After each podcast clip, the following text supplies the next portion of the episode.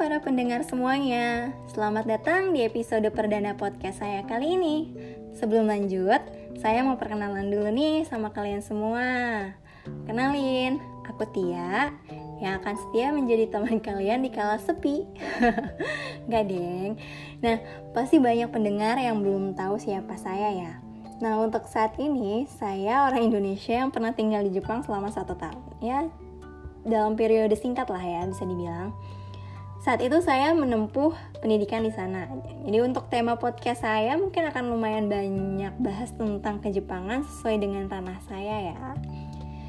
Lalu hobi saya adalah uh, mendengarkan musik Jepang, ya musik lain juga sih, western, Indonesia juga suka. Lalu saya juga termasuk pecinta idol Jepang atau idola Jepang ya. Buat pendengar yang juga punya hobi sama dengan saya, kita bisa sharing-sharing tentang informasi seputar idol Jepang. Pendengar nggak perlu malu untuk uh, menunjukkan kecintaan kalian terhadap sesuatu selama itu positif dan bisa membuat diri kalian bisa menjadi diri sendiri tanpa harus mendengar terlalu banyak pandangan dari orang lain gitu ya. Nah, tentunya pandangan orang lain sendiri juga penting, tapi kita harus bisa memilih apakah Pendapat itu dapat membuat diri kita lebih ke arah positif atau justru sebaliknya. Nah, di episode perdana ini saya mau bahas tentang gimana sih caranya bisa dapat surat balasan dari idol yang kita suka, khususnya untuk idol Jepang. Nah, simak terus. Nah, jadi di tahun 2018 tepatnya di bulan Desember 2018, saya pernah mendapat surat balasan dari idola favorit saya, idola idol Jepang ya, yang bernama Kawashima Noel atau yang sap, yang akrab disapa Noel atau Noeru. Beliau ini merupakan salah satu anggota dari grup idol bernama Travis Japan. Pendengar mungkin bisa coba searching dulu di Google ya Travis Japan T R A V I S terus J A P A N Nah, Travis Japan ini merupakan idol di bawah naungan agensi idol laki-laki terbesar di Jepang yaitu Janis and Associate. Tapi grup ini belum mendapat kesempatan debut teman-teman. Meskipun mereka belum mendapatkan kesempatan untuk debut, karir mereka menurut saya terbilang cukup sukses karena mereka juga punya uh, lagu orisinil yang mereka nyanyikan gitu meskipun mereka belum debut atau belum major debut. Nah mungkin next time akan membahas tentang grup kece yang bernama Travis Japan ini ya. nah kita sekarang balik ke topik utama nih. Sebenarnya ini cerita yang penuh perjuangan sih. Jadi waktu itu saya tinggal di Jepang kan selama satu tahun di Osaka Nah, saya banyak banget nonton teater dan konser yang ada Travis Japan. Jadi ke mana pun Travis Japan pergi, itu ada saya gitu pada saat selama kurun waktu satu tahun itu. Saya pergi ke Tokyo, terus Travis Japan ada di Osaka, saya ya nonton di Osaka gitu. Ya pokoknya banyak deh. saya pertama kali datang ke teater uh, Travis Japan itu yaitu pada tahun 2017 di Tokyo. Waktu itu saya inget banget tempatnya di Imperial Palace Theater Tokyo. Nama teater musikalnya adalah Janis World. Jadi di uh, teater musikal itu tidak hanya Travis Japan saja yang tampil, tapi juga grup-grup dari Janis and Associate juga tampil di sana gitu. Dari mulai grup debut sampai grup yang belum debut gitu untuk menampilkan uh, performance terbaik mereka di sana gitu. Nah, di sanalah saya pertama kali menulis surat kepada idola saya yang bernama Noel. Di situ, saya pernah cerita tentang nama grup mereka itu kan uh, disingkat sama fans Jepang mereka menjadi Toraja. Jadi seperti yang uh, teman-teman tahu kalau teman-teman yang udah belajar bahasa Jepang atau pernah belajar bahasa Jepang itu orang Jepang kan nggak bisa nyebut langsung Travis gitu misalkan kayak kita gitu kan nggak bisa uh, huruf konsonan ketemu huruf konsonan jadi jadi di tengah-tengah huruf konsonan itu harus ada huruf vokal gitu ya tuh nah jadi Travis ini Travis Japan ini disingkat menjadi Toraja. Nah, mungkin teman-teman udah punya clue di sana gitu ya. Nah, jadi saya cerita ke Noel bahwa di Indonesia juga ada loh desa yang namanya sama kayak nama singkatan grup kalian yaitu Toraja di Sulawesi letaknya. Nah, ternyata surat pertama saya untuk Noel ini sangat diapresiasi oleh Noel. Jadi waktu Februari 2018 kan saya kirim uh, suratnya 2017 di Teater Imperial Palace itu kan saat mereka teater. Nah, di 2018 Februari tepatnya Februari 2018 ya, Noel sempat datang ke Toraja dan Jakarta Beliau sempat bilang kalau beliau memutuskan untuk datang ke Indonesia karena salah satu surat dari fans Indonesianya. Nah, di sini mungkin uh, pendengar akan curiga. Loh, emang fans Noel cuma kamu doang, Tia? Hah? Tentunya enggak kan, gitu. Ya, tentunya tidak ya. Tapi pada saat itu Noel pernah bilang dia dapat surat itu saat dia tampil di Imperial Palace Theater 2017.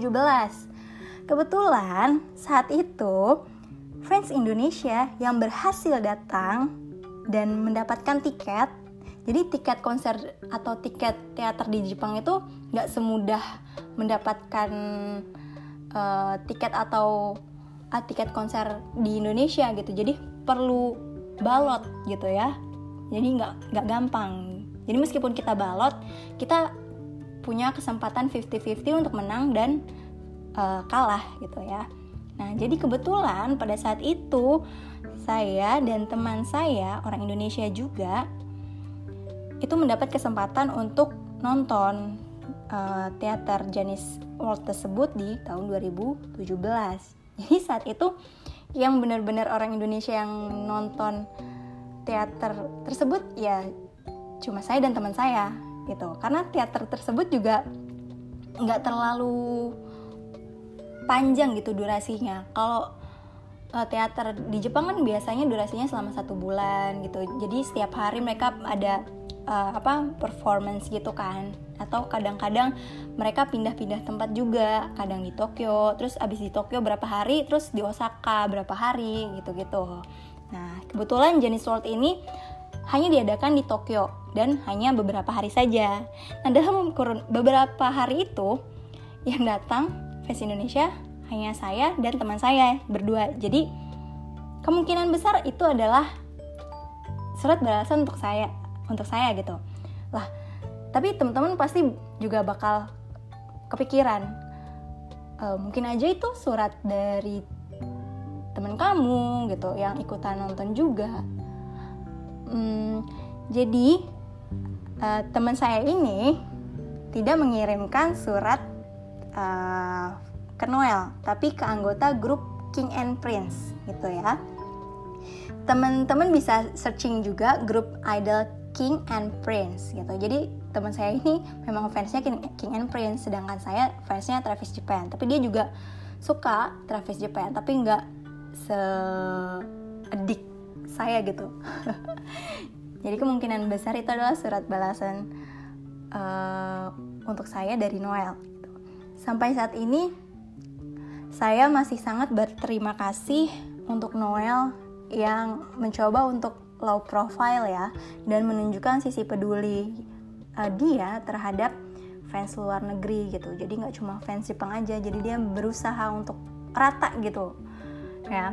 Nah mulai dari situlah saya rajin mengirimkan surat untuk Noel dan anggota Travis Japan lainnya.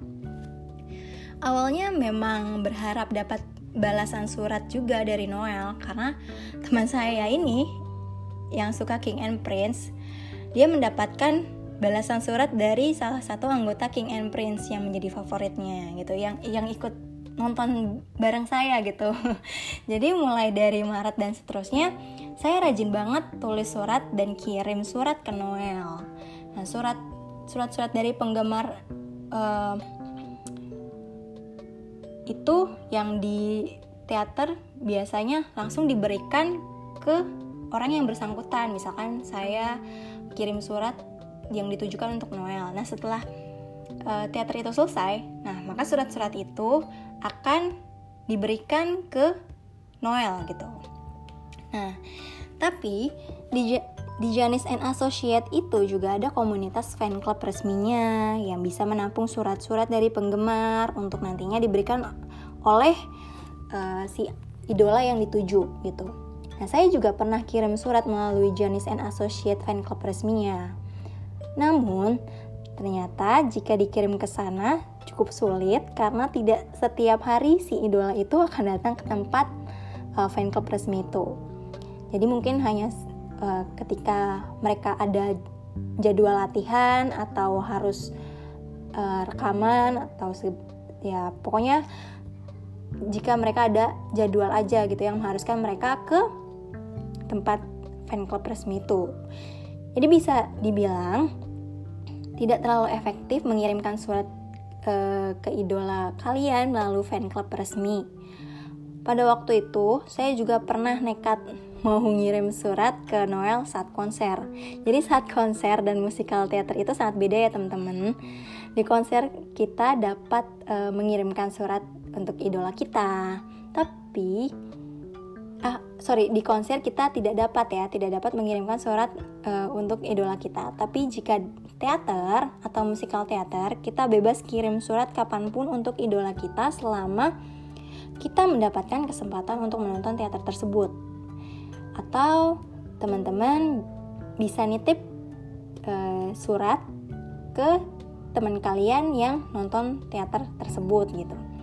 Jadi di teater-teater Jepang itu disediakan letterbox teman-teman untuk menampung surat-surat dari para penggemar. Jadi jika teman-teman ingin kirim surat, menurut saya ya akan lebih efektif ketika si idola itu punya kegiatan teater dibandingkan kegiatan konser. Ini khusus untuk Janis and Associate ya. Kalau agensi di luar Janis and Associate, uh, meskipun mereka ada live kecil-kecilan, itu kadang disediakan juga letterbox gitu. Jadi tergantung uh, apa ya namanya, tergantung apakah idola tersebut sangat terkenal atau tidak atau idola tersebut berada di naungan agensi yang sangat besar ataupun agensi yang sangat kecil gitu. Biasanya kalau idola-idola yang di agensi kecil, mereka meskipun live atau konser masih suka uh, memberi kesempatan untuk fans untuk bisa apa ya?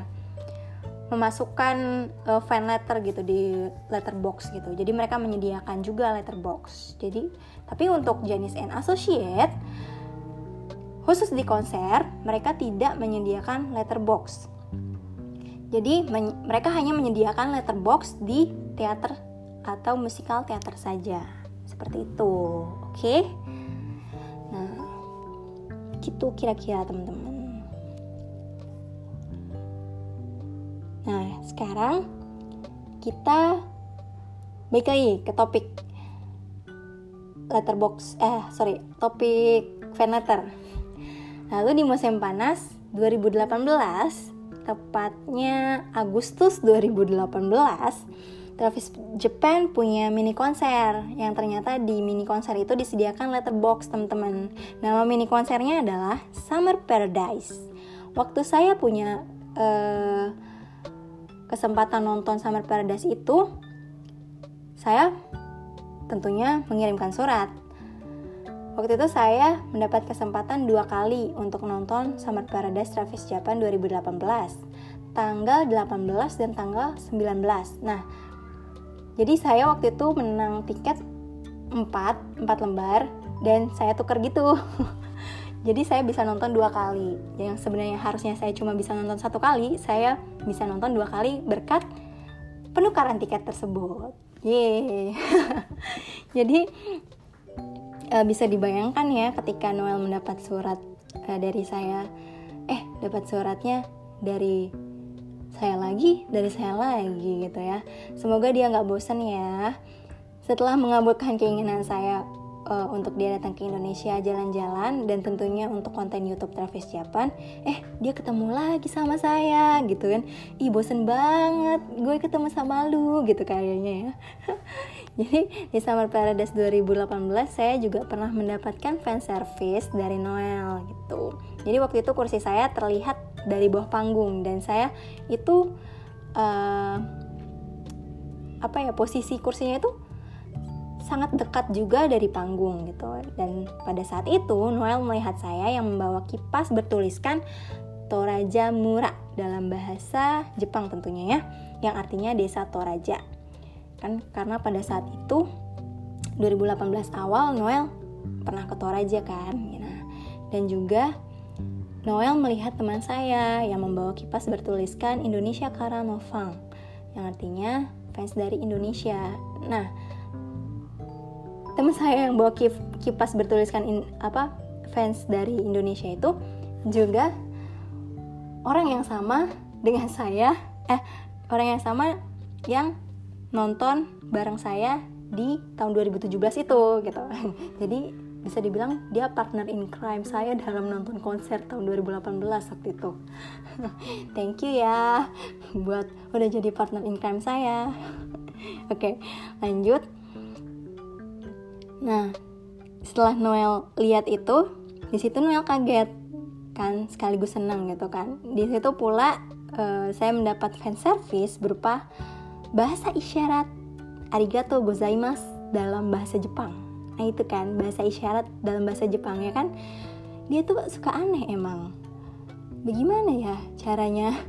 Untung saya ngerti itu arti bahasa isyaratnya itu adalah terima kasih dia artinya itu arigato gozaimasu coba kalau saya nggak ngerti dia ngomong apa coba alhamdulillah saya mengerti sih ya makanya dia memberikan uh, fan service saya seperti itu karena dia tahu saya mungkin ngerti gitu kali ya oke okay. nah jadi uh, kayaknya Noel juga udah kenal sama wajah saya sih gitu. Jadi fans Indonesia yang sering banget nontonin konser Travis Japan itu kayaknya cuma saya gitu. Di dalam kurun waktu 2000 2017 2018 gitu. Jadi kayak dia udah nandain gitu ya. Ah nih orang nih nih orang lagi nih orang lagi gitu ya kan ya tuh. Jadi ya begitulah uh, jadi sebenarnya mau cerita lagi karena sebelumnya sebelum saya datang ke Summer Paradise 2018 itu di bulan Agustus saya juga pernah nonton konser um, grup debut Janis and Associate yang bernama Kiss My Foot 2 di mana Travis Japan menjadi back dancer di dalam konser Kiss My Foot 2 tersebut. Dan alhamdulillah waktu itu kursi saya juga dekat dengan uh, panggung gitu. Dan kebetulan kursi saya itu adalah kursi di mana Noel itu sering bolak-balik lewat gitu loh teman-teman. Sehingga saya dengan PD-nya teriak-teriak Noel Noel gitu kan dengan PD-nya gitu kan. Ya alhamdulillah dia um, kupingnya uh, masih bagus ya pendengarannya masih bagus gitu meskipun di sekitarnya juga berisik terus dia tapi dia mendengar teriakan saya yang sangat heboh gitu kan. Sehingga dia melihat ke arah saya dan mendapat apa memberikan fan service. Jadi saya mendapatkan fan service pertama dari Noel yaitu pada saat konser Kiss My Foot justru bukan di konser-konser Travis Japan. Nah yang kedua baru saya dapat fan service lagi dari Noel di konser Summer Paradise 2018 Nah di konser uh, Kiss My Foot pun Noel memberikan fan service bahasa isyarat arigato gozaimasu. Jadi ketika saya mendapatkan fan service kedua yang sama gitu, apa bahasa isyarat arigato gozaimasu, saya tuh jadi udah ngerti gitu. Meskipun pas mendapatkan fan service yang pertama itu saya juga sudah mengerti artinya gitu, arti uh, dari bahasa isyarat Jepang tersebut gitu. Nah, kita balik lagi nih ke peristiwa Summer Paradise 2018. Jadi, saya uh, pada waktu itu nggak menyerah untuk mengirimkan surat ke Noel. Jadi sampai dua kali di Summer Paradise. Jadi tanggal 19 ah tanggal 18 dan tanggal 19. Di isi surat itu saya menuliskan bahwa tahun 2018 merupakan tahun terakhir saya untuk tinggal di Jepang. Jadi saya tinggal di Jepang memang pure satu tahun dari 2017 sampai 2018. Bisa dibilang itu merupakan surat perpisahan dari saya ke Noel. Saya juga berterima kasih kepada teman saya yang memberikan ide bagaimana kalau dia memasukkan satu amplop dan selembar kertas kosong di dalam surat untuk Noel. Lalu saya akhirnya menjalankan saran dari teman saya itu dan akhirnya menulis surat kedua di Summer Paradise 2018 dan kedua dan surat kedua itu pada tanggal 19 itu amplopnya cukup tebal karena saya memasukkan satu amplop dan selembar kertas kosong di dalam amplop amplop surat yang berisi uh, tulisan saya juga. Jadi ibaratnya di dalam amplop ada amplop lagi gitu. Kemudian tidak hanya itu, saya juga menempelkan perangko Jepang yang harganya 100 yen ya kalau tidak salah waktu itu. Itu saya tempel dua lembar jadi totalnya adalah 200 yen. Perangko 200 yen. Lalu di dalam amplop yang ada, yang ada amplopnya lagi, saya tulis alamat dan nama lengkap saya dengan harapan semoga Noel akan membalas surat saya kelak. Alhamdulillah di bulan 2 uh, di bulan Desember uh, 2018 saya mendapatkan balasan pertama dan mungkin menjadi yang terakhir dari Noel. Balasan suratnya itu datang langsung ke Indonesia. Karena pada saat itu saya tidak lagi menuliskan alamat tempat tinggal saya yang di Jepang, tapi alamat tempat tinggal saya di Indonesia. Dan justru alamat tempat tinggal saya yang di Indonesia lah yang uh, suratnya itu dibalas oleh Noel gitu. Jadi saya selama ini uh, menulis surat dengan alamat uh, tempat tinggal saya yang di Jepang. Pada saat saya mengirim surat ke fan club resmi Janis and Associate tersebut gitu. Nah, tapi justru yang dibalas malah uh, surat yang beralamatkan alamat di Jakarta Jakarta Indonesia jadi uh, saran saya buat teman-teman yang mau suratnya dibalas butuh kerja keras yang tidak sedikit. Saya pribadi mengirimkan berkali-kali surat ke Noel tapi dibalas hanya satu kali. Itu pun saya sudah bersyukur Alhamdulillah. Noel mau membalas surat saya yang dialamatkan ke Indonesia. Bisa dibilang kita sebagai fans juga harus modal jika suratnya ingin dibalas, seperti modal uh, beli perangko dan letter set.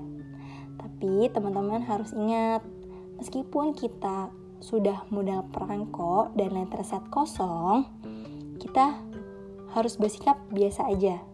Jangan berharap terlalu tinggi atau ketinggian gitu.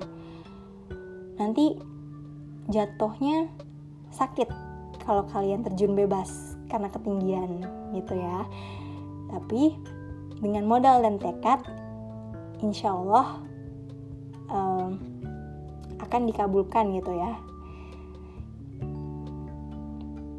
Mungkin rasionya bisa sekitar satu banding 10 yaitu 10 kali kita kirim surat dengan modal perangko dan letter set kosong.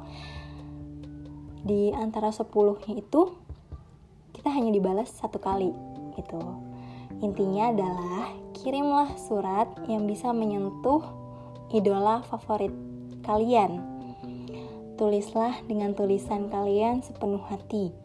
Kalian tuangkan semua yang kalian ingin sampaikan ke idola favorit kalian. Jika idola kalian merasa tersentuh dengan isi surat kalian, insya Allah saya yakin akan dibalas suratnya oleh idola favorit kalian. Gitu. Tentunya teman-teman jangan putus semangat untuk kirim surat ke idola kalian masing-masing. Nah, di sini saya ingin coba bacakan surat balasan dari Noel yang dikirimkan dia di bulan Desember 2018. Oh iya, uh, sebelum saya bacakan, saya lupa kasih info nih bahwa saat saya mengirimkan surat terakhir di 2018 itu saya menggunakan bahasa Jepang. Jadi saya tulis tangan dalam bahasa Jepang ya teman-teman. Tapi ada penekanan tapinya nih. Tapi Noel balasnya dalam bahasa Inggris. Ini antara nyebelin atau dia sebenarnya mencoba untuk uh, membuat saya mengerti isi surat balasan dari dia gitu. Ya kita anggap aja Noel sangat berbaik hati gitu kepada saya karena mengirimkan balasan surat dalam uh, bahasa Inggris agar saya tidak kesulitan memahami artinya gitu ya. Aduh ada-ada aja nih orang emangnya kan? Oke okay, are you ready guys? Nah sekarang saya mau bacakan isi surat dari Noel untuk saya. Cie cie cie. Simak ya.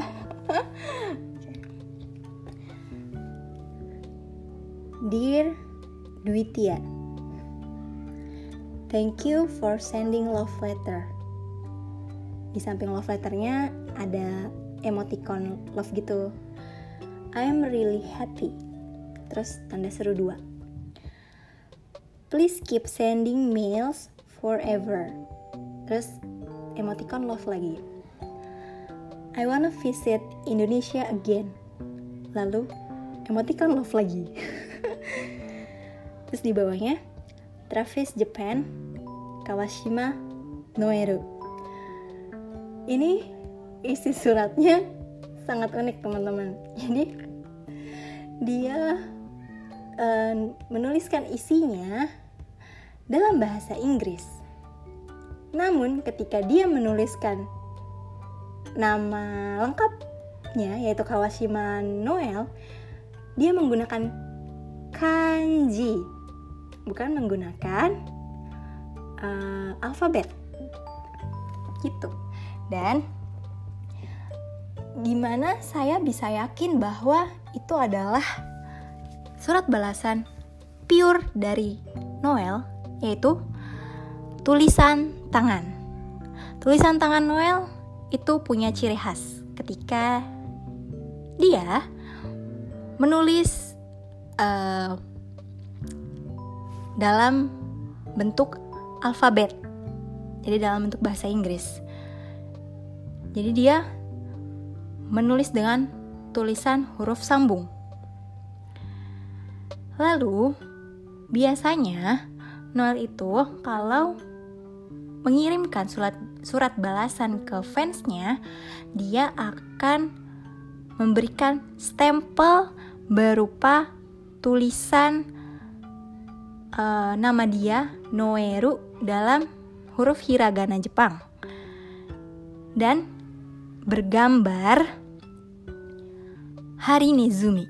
Harinezumi itu bahasa Jepang dari landak mini jadi Noel itu punya binatang peliharaan landak mini yang namanya Gumi, Gumisang. Tapi Gumisang sudah tidak ada di dunia ini lagi. Uh, Gumisang meninggal tahun 2019 pertengahan. Jadi ya, Gumisang sudah tidak bersama kita lagi teman-teman, terutama tidak bersama Noel lagi gitu gitu. Jadi dia sangat mencintai uh, binatang peliharaannya itu yang berupa landak mini. Sehingga sampai-sampai stempelnya pun dia buat uh, dalam bentuk landak mini gitu. Dalam ilustrasi landak mini gitu. Gimana guys? Masih nggak percaya dengan tadi surat mail yang sudah saya bacakan? Nanti saya uh, bisa upload kalau bisa upload gambar ya di podcast. Cuma saya kurang tahu bisa upload atau enggak. Sepertinya tidak. Tapi teman-teman bisa cek ke twitter saya di n20t14 jadi n terus angka 20 20 t terus 14 di sana saya sudah pin tweet uh, saya yang saya unggah itu berupa foto surat balasan dari Kawashima Noel. Gitu. Jadi teman-teman harus ingat kalau mau uh, suratnya dibalas oleh idola teman-teman itu kembali lagi kita harus modal modal pertama adalah satu letter set yang terdiri dari amplop kosong dan selembar kertas. Lalu, amplop kosong dan selembar kertas kosong itu dimasukkan. Eh, jadi uh, selembar apa lembar kosong itu dimasukkan ke dalam amplop yang kosong. Itu oke, okay, selesai nih, amplop kosong nih. Yang berisi selembaran kosong. Lalu, amplop kosong tersebut teman-teman masukkan lagi ke dalam amplop surat yang berisikan uh, surat dari teman-teman gitu yang sudah teman-teman tulis tangan tentunya ya jadi orang Jepang itu sangat mengapresiasi tulisan tangan terutama sangat mengapresiasi uh, apa ya surat menyurat. Jadi ketika teman-teman datang ke Jepang di stationery um, toko-toko alat tulisnya mereka itu pasti mereka masih menjual letter set. Karena mereka masih memiliki budaya tulis menulis surat gitu. Jadi teman-teman nggak usah khawatir. Kalau misalkan teman-teman tinggal di Jepang atau teman-teman lagi jalan-jalan ke Jepang coba teman-teman ke toko alat tulis Jepang lalu beli letter set yang lucu-lucu. Di situ banyak banget letter set lucu-lucu yang berbentuk macam-macam lah pokoknya yang akan membuat kalian tergiur ingin membeli lagi dan membeli lagi. Seperti saya. Oke. Okay. ya. Jadi modalnya itu perangko dan letter set. Don't forget ya. Letter setnya itu yang kosong. Dan jangan lupa tulislah surat yang menyentuh hati idola kalian untuk membalas surat kalian. Seperti itu. Nah, jadi sekian dulu sepertinya podcast uh, perdana saya pada kali ini. Terima kasih untuk teman-teman yang bersedia meluangkan waktu mendengarkan suara saya yang cempreng ini dan uh, suara saya yang ya mungkin mengganggu telinga teman-teman ya. Saya mohon maaf jika ada kekurangan. Semoga kita bisa bertemu lagi di podcast selanjutnya. Kira-kira saya bakal bahas apa ya di next podcast? Tunggu kelanjutannya. Assalamualaikum warahmatullahi wabarakatuh. Bye bye.